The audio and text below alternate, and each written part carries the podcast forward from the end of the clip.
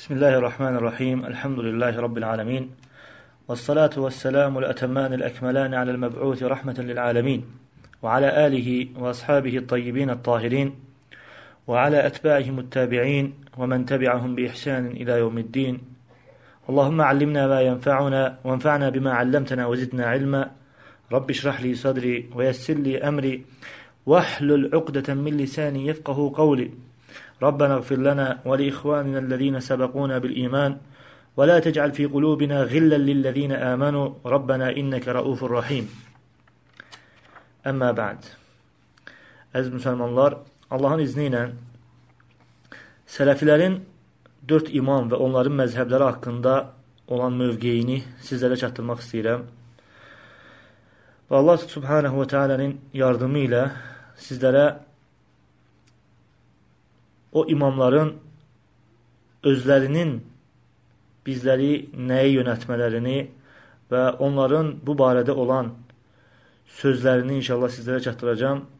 Və bu ilə bizə aydın olacaq ki, həqiqi surətdə onlara, onların qəsdinə uyğun olanlar kimlərdir? İslam dininin gözəlliklərindən biri də alimlərin haqlarını bilmək və onları qorumaqdır.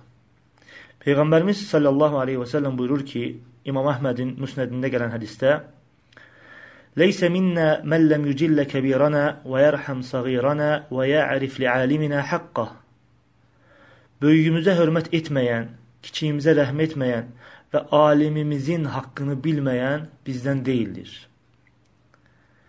Və əziz qardaşlar, görürsən ki, bir çox Quran və sünnənin nurundan uzaq düşmüş, Quran və sünnəni müsəlmanlara qaranlıq və başa düşülməz bir şey kimi qələmə verən insanlar, sələfilərin, əhl-i sünnənin sahabələrdən sonra ən hörmətli və məşhur imamlarından olmuş dörd imam Əbu Hənifə, İmam Malik, İmam Şafi, İmam Əhməd ibn Həmbəl, Allah onlara rəhmət etsin, onlar haqqında olan mövqeyini pis qələmə verirlər və onlara hörmətsizlik etdiklərini deyirlər və həmçin iddia edirlər ki, onlar, yəni sələfilər o imamları alçaldır və yaxud da onları öz imamlarından hesab etmirlər. Lakin, əz qardaşlar, bu böyük yalandan və insanları doğru yoldan uzaqlaşdırmaqdan, yayındırmaqdan başqa bir şey deyil. Və siz sələflərin etimad etdiyi kitablara baxsaz, onların oxuduğu kitablara nəzər salsaz, və bunun nə dərəcədə yalan və açıq aydın iftira olduğunu görərsiniz.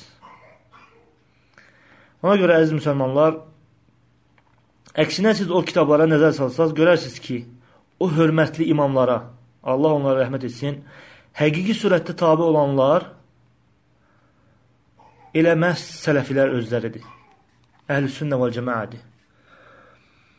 Amma o insanları təqlidə, kör-köranı təəssübkeşliyə, məzhəbçiliyə çağıran insanlar isə Onlar yalnız özlərini o imamlara tabi olduqlarını iddia edirlər. Lakin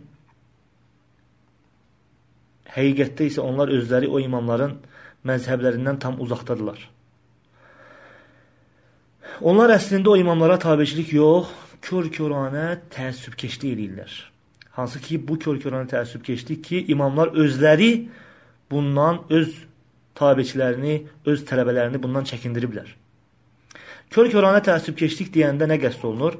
Yəni bir şəxsin hər hansı bir məsələdə öz imamının rəyinə, yəni öz bir şəxs məsələn hansısa bir məzhəbə özünü nisbət eləyir və öz imamının rəyinə müxalif, açıq, aydın, səhih hədis gəldisə hansısa bir məsələdə. Bu zaman bu zaman öz imamının sözünü tərk eləmir. Əksinə Peyğəmbər sallallahu əleyhi və səlləmin o səhih hədisini rədd eləyir. Və buna kör-körənə təəssübkeşlik deyilir. Və görəcəksiniz ki, inşallah imamların sözlərini bu barədə götürəcəyik və bu dərsimizdə İmam Əbu Hənifə və həmçinin İmam Məlik İbn Ənəs rahimehullahın sözlərini götürəcəyik. E, və görəcəksiniz ki, alimlər, həmin imamlar özləri bundan insanları çəkindiriblər. Və bildiriblər ki, həqiqi tabiçi olmaq istəyirsənsə, Peyğəmbər sallallahu əleyhi və səlləmə tabe olmaq istəyirsənsə, Və bizim bu sözlərimizi götürün. Və o sözləri oxuduqda, yəni o, o sözləri eşitdikdə və görəcəksiniz ki, qardaşlar, yəni həqiqətən o imamlara tabe olanlar və o imamları özlərinə imam götürərək onlara hörmət edənlər e, bu özlərini onlara nisbət edib onların yolundan uzaq düşənlər yox, əslində sələfilərdir. Əhlüsünnə vəl cəmaədir ki, onları həqiqətən özlərinə imam götürüblər.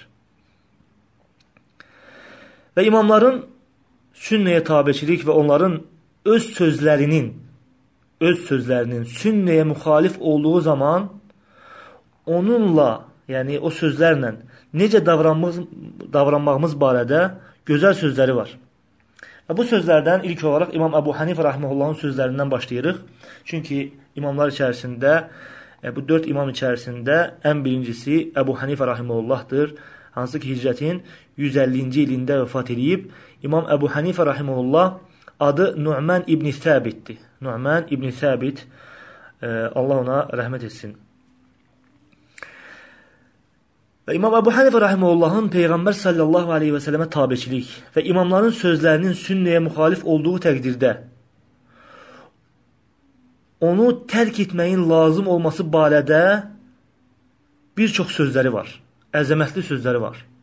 Və bu sözlərdən birincisi hədis səhih oldusa o mənim məzhəbimdir.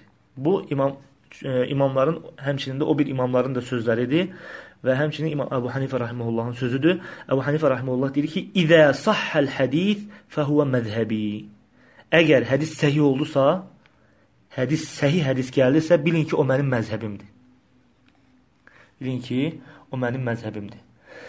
İbn Abidin e, İbn Həmməmin şeyxi olmuş, yəni İbn Şəhnənin Şərhül Hidayə kitabından nəql edir ki, yəni İbn Şəhnə e, belə demişdir. Deyir ki, İzə sahhəl hədis və kənə alə xilafil məzhəb umilə bil hədis. Görün nə deyir? Deyir, əgər səhih hədis gəldisə və bu səhih hədis məzhəbin xilafınadırsa, yəni məzhəbə müxalifdirsə, müxalif olarsa, Umilə bil hədis. Bu zaman deyir ki, hədisə əməl olunar. Və yəkunu zəlikə məzhəbuhu. Və bu hədis deyir, onun məzhəbi olar. Nəyi olar? Bu hədis onun məzhəbi olar. Və la yəxrucu muqalliduhu an kawnihi hanafiyyan bil amali bihi. Və deyir, İmam Əbu Hanifəyə təqlid edən bir insan bu səhih hədisə əməl etməsi ilə Hənəfi məzhəbindən çıxmış sayılmaz. Fikir verirsiniz? Əgər deyir səhih hədis Peyğəmbər sallallahu əleyhi və səlləmdən gəlmiş, sabit olmuş səhih hədis Hənəfi olan bir kəsin yəni məzhəbinə müxalif olarsa, bir kəsin məzhəbinə müxalif olarsa və o insan hədisi götürərsə, yenə də o imamın o sözü üzərində israr etməzsə, hədisi götürərsə, bu zaman yenə də deyir ki, o insan Hənəfi məzhəbindən çıxmış sayılmaz. Nəyə görə? Çünki deyir İmam Əbu Hənifə rahimehullahdan səhih olaraq varid olmuşdur ki, o demişdir ki, "İzə sahhal hadis fəhuve məzhəbi." Əgər hədis səhih oldusa, o mənim məzhəbimdir. Və bu sözü İbn Abdül e, İmam İbn Abdülbər rahimehullah və həmçinin e, başqa imamlar İmam Əbu Hənifə rahimehullahdan rivayet ediblər. Və Şeyx Albani rahimehullah deyir ki, e, deyir ki, "Və həzə min kəmali ilmihim və təqvahum." Və bu deyir o imamların elmlərinin və təqvalarının kamilliyindəndir. Heysu əşaru bidəlikə ilə ennəhum ləm yuhitu bis sünnəti kulliha. Yəni, belə ki, onlar bununla işarə edərək bilmiş, bildirmişdilər ki, onlar sünnəni tam olaraq əhatə etməmişdirlər. Onlar sünnəni tam olaraq əhatə etməmişdilər. Və sonra deyir ki: "Və qad sarraha bizəlikə İmam Şafii kəma yəti." Və İmam Şafii rahmeullah da açıq-aydın demişdi bu sözü ki, onların sünnəni əhatə etməməsini İmam Şafii rahmeullah özü açıq-aydın demişdi. Necə ki, bu barədə inşallah gələcək İmam Şafii rahmeullahın sözlərində. Bəzən onlardan yəni Şeyx Alban rəhməhullah deyir ki, bəzən onlardan yəni imamlardan onlara çatmayan bir sünnəyə müxaliflik baş verə bilər. Hansısa sünnəyə müxaliflik onlardan baş verə bilər sünnənin onlara çatmaması çatmadığı üçün. Bu zaman onlar bizə sünnəni götürməyimizi və həmin sünnəni onların məzhəbindən hesab etməyimizi əmr edib. Bu zaman onlar bizə əmr ediblər ki, biz həmin sünnəni götürək və həmin sünnəni hətta onlar özləri deməsə belə deyiblər ki, o sünnəni bizim məzhəbimizdən hesab edin. Ondan sonra keçək İmam Əbu Hanifə rahimehullahın ikinci sözünə. İmam Əbu Hanifə rahimehullah deyir ki: "La yahillu li ahadin an ya'khudha bi qawlina ma lam ya'lam min ayna akhadnah." Və baxın e, sözlərin, yəni imamların öz sözlərinin şiddətliliyinə və necə insanları Peyğəmbər sallallahu əleyhi və səlləmin sünnəsini götürüb özlərinin sünnəyə müxalif olan sözlərini tərk etməsinə çağırıblar. Və deyir ki, "Lə yəhillu li əhədin ən yəxuza bi qawlina ma lam ya'lam min ayna akhadna." Heç bir kəsə halal deyil ki, bizim hər hansı bir sözümüzü hardan götürdüyümüzü bilmədiyi halda onu götürsün. haradan götürdüğümüzü bilmediği halda bizim sözümüzü götürene halal değildir. Ve bu sözü de İmam Ebu Hanife Rahimullah'ın bu sözünü de İbn Abidin e, Haşiye kitabında getirip 6. cilt 293. sayfada. Burada da Şeyh Albani Rahimullah bundan sonra buyurur ki e, deyil fe izâ kâne hâzâ kavluhum fîmen lem ya'lem delîlehum Deyir ki eğer imamın bu sözü, imamların bu sözü ki halal deyil ki bizim dəlilimizi bilmədən bizim sözümüzü götürsün. İmamın bu sözü onların dəlilini bilmədən götürən insana aiddirsə, onların dəlilini bilmədən götürən insana aiddirsə, görəsən o imamlar dəlilin onların sözlərinə müxalif olduğunu bildikləri halda yenə də onların sözləri ilə fətva verənlərə nə deyərdilər? Diqqət yetirirsiniz?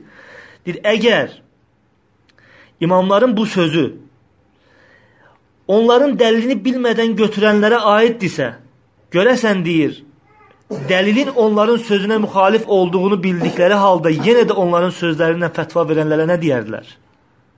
Və sonra Şeyx Alman Rəhməllah deyir ki, bunu yaxşı düşün, həqiqətən təkcə bu, onların deyir ki, kör-körana təqlidlərini sındırmaq üçün kifayətdir. Və bunu Şeyx Alban Rəhməllah Sifət-ü Salə kitabı 42-ci səhifədə gətirir. Əbu Hənifə Rəhməllah Başqa bir rivayətdə deyir ki, mənim dəlilimi bilmədən mənim sözümlə fətva verənə haram olsun. Deyir, haramun ələ mən ləm yərif dəlili ən yufti bi kələmi. Mənim dəlilimi bilmədən mənim sözümlə fətva verənə haram olsun. Başqa rivayətdə isə İmam Əbu Hanifə rahimehullah əlavə eləyərək buyurur ki: "Fəinnənə bəşərun nəqulul qawlal yawma və nərci'u anhu gadan." Deyir, həqiqətən biz bəşərik. Bugün bir söz deyirik və sabah o sözdən qayıdırıq. Sabah o sözdən qayıdırıq. E, həmçinin başqa rivayətdə də İmam Əbu Hanifə rahimehullah demişdi ki: "Veyhəkə ya Yaqub, la tektub kull ma tesma'u minni, fa inni qad ara ar-ra'ya al-yawma wa atrukuhu gadan wa ara ar-ra'ya gadan wa atrukuhu ba'da gadin." Deyir, vay olsun sənə ey Yaqub, yəni tələbəsi, onun ən məşhur tələbələrindəndir, ona mülazim olan tələbələrindən Əbu Yusufu qəst eləyir. Deyir ki, vay olsun sənə Yaqub, məndən eşitdiyin hər şeyi yazma. Ola bilsin mən bugün bir rəy görüm, sabah isə o rəyi tərk edim. Və sabah bir rəyi görüm, e, bir görüş üzərində olum, e, o biri gün isə o rəyi tərk edim. Və burada Şeyx Albani Rahimullah bunu açıqlayaraq buyurur ki, e, çünki bu ona görədir ki, İmam çox vaxt öz rəyini qiyas üzərində qurur. İmam Əbu Hənifə rahimehullah. Sonra ona daha güclü bir qiyas görsənir və yaxud da ona peyğəmbərin sallallahu əleyhi və səlləmin hədisi çatır. Bu zaman o hədisi götürür və əvvəl dediyi sözü tərk eləyir. Və bunu da Şeyx Alban rahimehullah həmçinin Sifət-ü Salə kitabının əvvəlində 42-ci səhifədə gətirib. Ondan sonra deyir ki, Şə'rani rahimehullah demişdir. Şəhran rahimehullah deyir ki: واعتقادنا واعتقاد كل منصف في الإمام أبي حنيفة رضي الله عنه Ənəhu ləv əşə həttə duvvinəti şəriə. Deyir ki, Şərani Rəhməllah, bizim və hər bir insaflı insanın İmam Əbu Hənifə Rəhməllah haqqında etiqadı odur ki, əgər o, yəni İmam Əbu Hənifə Rəhməllah, şəriətin tam şəkildə yığılaraq kitablarda yazıldığı və hafizlərin, yəni hədis hafizlərinin səfərlər edərək hədisləri cəm etdikləri vaxta qədər yaşasaydılar və o hədislərin hamısı ona çatsaydı, o hədisləri götürərdi, etdiyi bütün qiyasları tərk eləyərdi. Və başqa məzhəblərdə olduğu kimi onun məzhəbində də qiyas az olardı. Lakin deyir ki, İmam Əbu Hənifə rahimehullahın yaşadığı əsrdə şəriətin dəlilləri ayrı-ayrı şəhərlərdə və kəndlərdə idi. Yaşayan tabeinlərdə və atbə tabeinlərdə idi. Və buna görə onun məzhəbində qiyas zərurət olduğuna görə başqasına nisbətən daha çox olmuşdu. Başqa imamlardan fərqli olaraq onun əlində kifayət qədər dəlil olmadığına görə o bu qiyasları etməyə məcbur qalmışdı. Və bunu da Şəhran Rəhməllah Mizən kitabı 1-ci cild 62-ci səhifədə gəlir. Və sonra Şeyx Albani Rəhməllah yenə buyurur ki, əgərdir Əbu Hənifə Rəhməllahın qəsdi olmadan Peyğəmbər sallallahu aleyhi və səlləmin bəzi səhih hədislərdən müxalif olmasında, qəsdi olmadan, İmam heç vaxt qəsdən Peyğəmbər sallallahu aleyhi və səlləmin səhih, səhih hədisinə müxalif ola bilməz. Deyir, qəsdi olmadan ona müxalif olmasında, hədisə müxalif olmasında üzrü elə bu idisə, yəni Şərani Rəhməllahın gətirdiyi üzr idisə, de, həqiqətən də bu qəti olaraq qəbul olunan bir üzrdür. Yəni, bu üzr qəbul olunan bir üzrdür. Çünki Allahu Teala heç bir kəsi bacarmadığı bir yüklə yükləməyib. De, belə olduğu təqdirdə bəzi cahil insanların etdiyi kimi o imama tən etməsi caiz deyildir. Əksinə onunla ədəbli olmaq vacibdir. Çünki o müsəlmanların imamlarından olan bir imamdır. Müsəlmanların imamlarından olan bir imamdır, hansı ki o imamların əli ilə bu din qorunub və bizə gəlib çatmışdır. Və İmam Əbu Hanifə rahimehullah hər bir halda savab qazanıb. İstər doğru, istərsə də xəta etsin.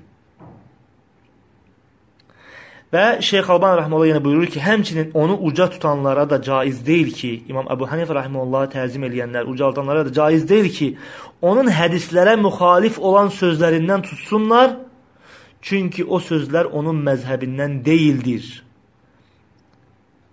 Necə ki, onun bu barədə İmam Əbu Hanifə Rəhməllahın öz sözlərini gördünüz. Ki, onlar bir vadidədir, imamların rəyi, imamların sözü bir vadidə İmamları kör-körana təqlid edənlər isə başqa bir vadidədir. Onlar bundan tamamilə uzaqdadırlar. Və sonda Şeyx Albani Rahimullah qeyd edir ki, e, dua eləyir e, Quranda gələn ayə ilə ربنا لا تزغ ربنا اغفر لنا ولإخواننا الذين سبقونا بالإيمان ولا تجعل في قلوبنا غلا للذين آمنوا ربنا إنك رؤوف رحيم Ey Rəbbimiz, bizi və bizdən əvvəl iman gətirmiş qardaşlarımızı bağışla. Bizim qəlbimizdə iman gətirənlərə qarşı nifrət və həsədə yer vermə. Ey Rəbbimiz, həqiqətən də sən e, şəfqətlisən, rəhimlisən. Və bunu da e, İmam e, Şeyx Alban rahimehullah Sifətü Salah 43-cü səhifədə qeyd eləyib. Ondan sonra İmam Əbu Hənifə rahimehullahın 3-cü sözü bu barədə sünnəyə tabeçilik və önün, özünün sözünün sünnəyə müxalif olduğu təqdirdə onunla necə davranmağımızın lazım olması barədə dediyi sözlərdən üçüncüsü deyir ki, İdə qultu qavlən yuxalifu kitaballahi teala və xəbərər Rasul sallallahu aleyhi və səlləm fətruku qavli. Əgər mən Allahın kitabına və Peyğəmbərin sallallahu aleyhi və səlləmin xəbərinə müxalif bir söz deyərəmsə, bu zaman mənim sözümü tərk eləyin. Açıq, aydın deyilən bir sözdür. Əgər mən Allahın kitabına və Peyğəmbərin sallallahu aleyhi və səlləmin xəbərinə müxalif bir söz deyərəmsə, bu zaman mənim sözümü tərk eləyin. Və bu sözün mənası nədir, qardaşlar? Və bu sözün mənası açıq aydın bəllidir ki, imam özü etiraf eləyir ki, mənim hardasa hədisə müxalifliyim ola bilər. Hər hansı bir üzrə görə, hər hansı bir səbəbə görə hədisə müxalifliyim ola bilər. Bunun mənası budur. Və onlara təəssübkeşlik eləyənlərin dediyi kimi deyil ki, onlar hansı ki onlara məsum kimi onlarla müamilə eləyirlər. Peyğəmbər kimi onlarla müamilə eləyirlər. Hansı ki özləri imamlar özləri bundan çəkindiriblər. Şərani rahimehullah buyurur ki: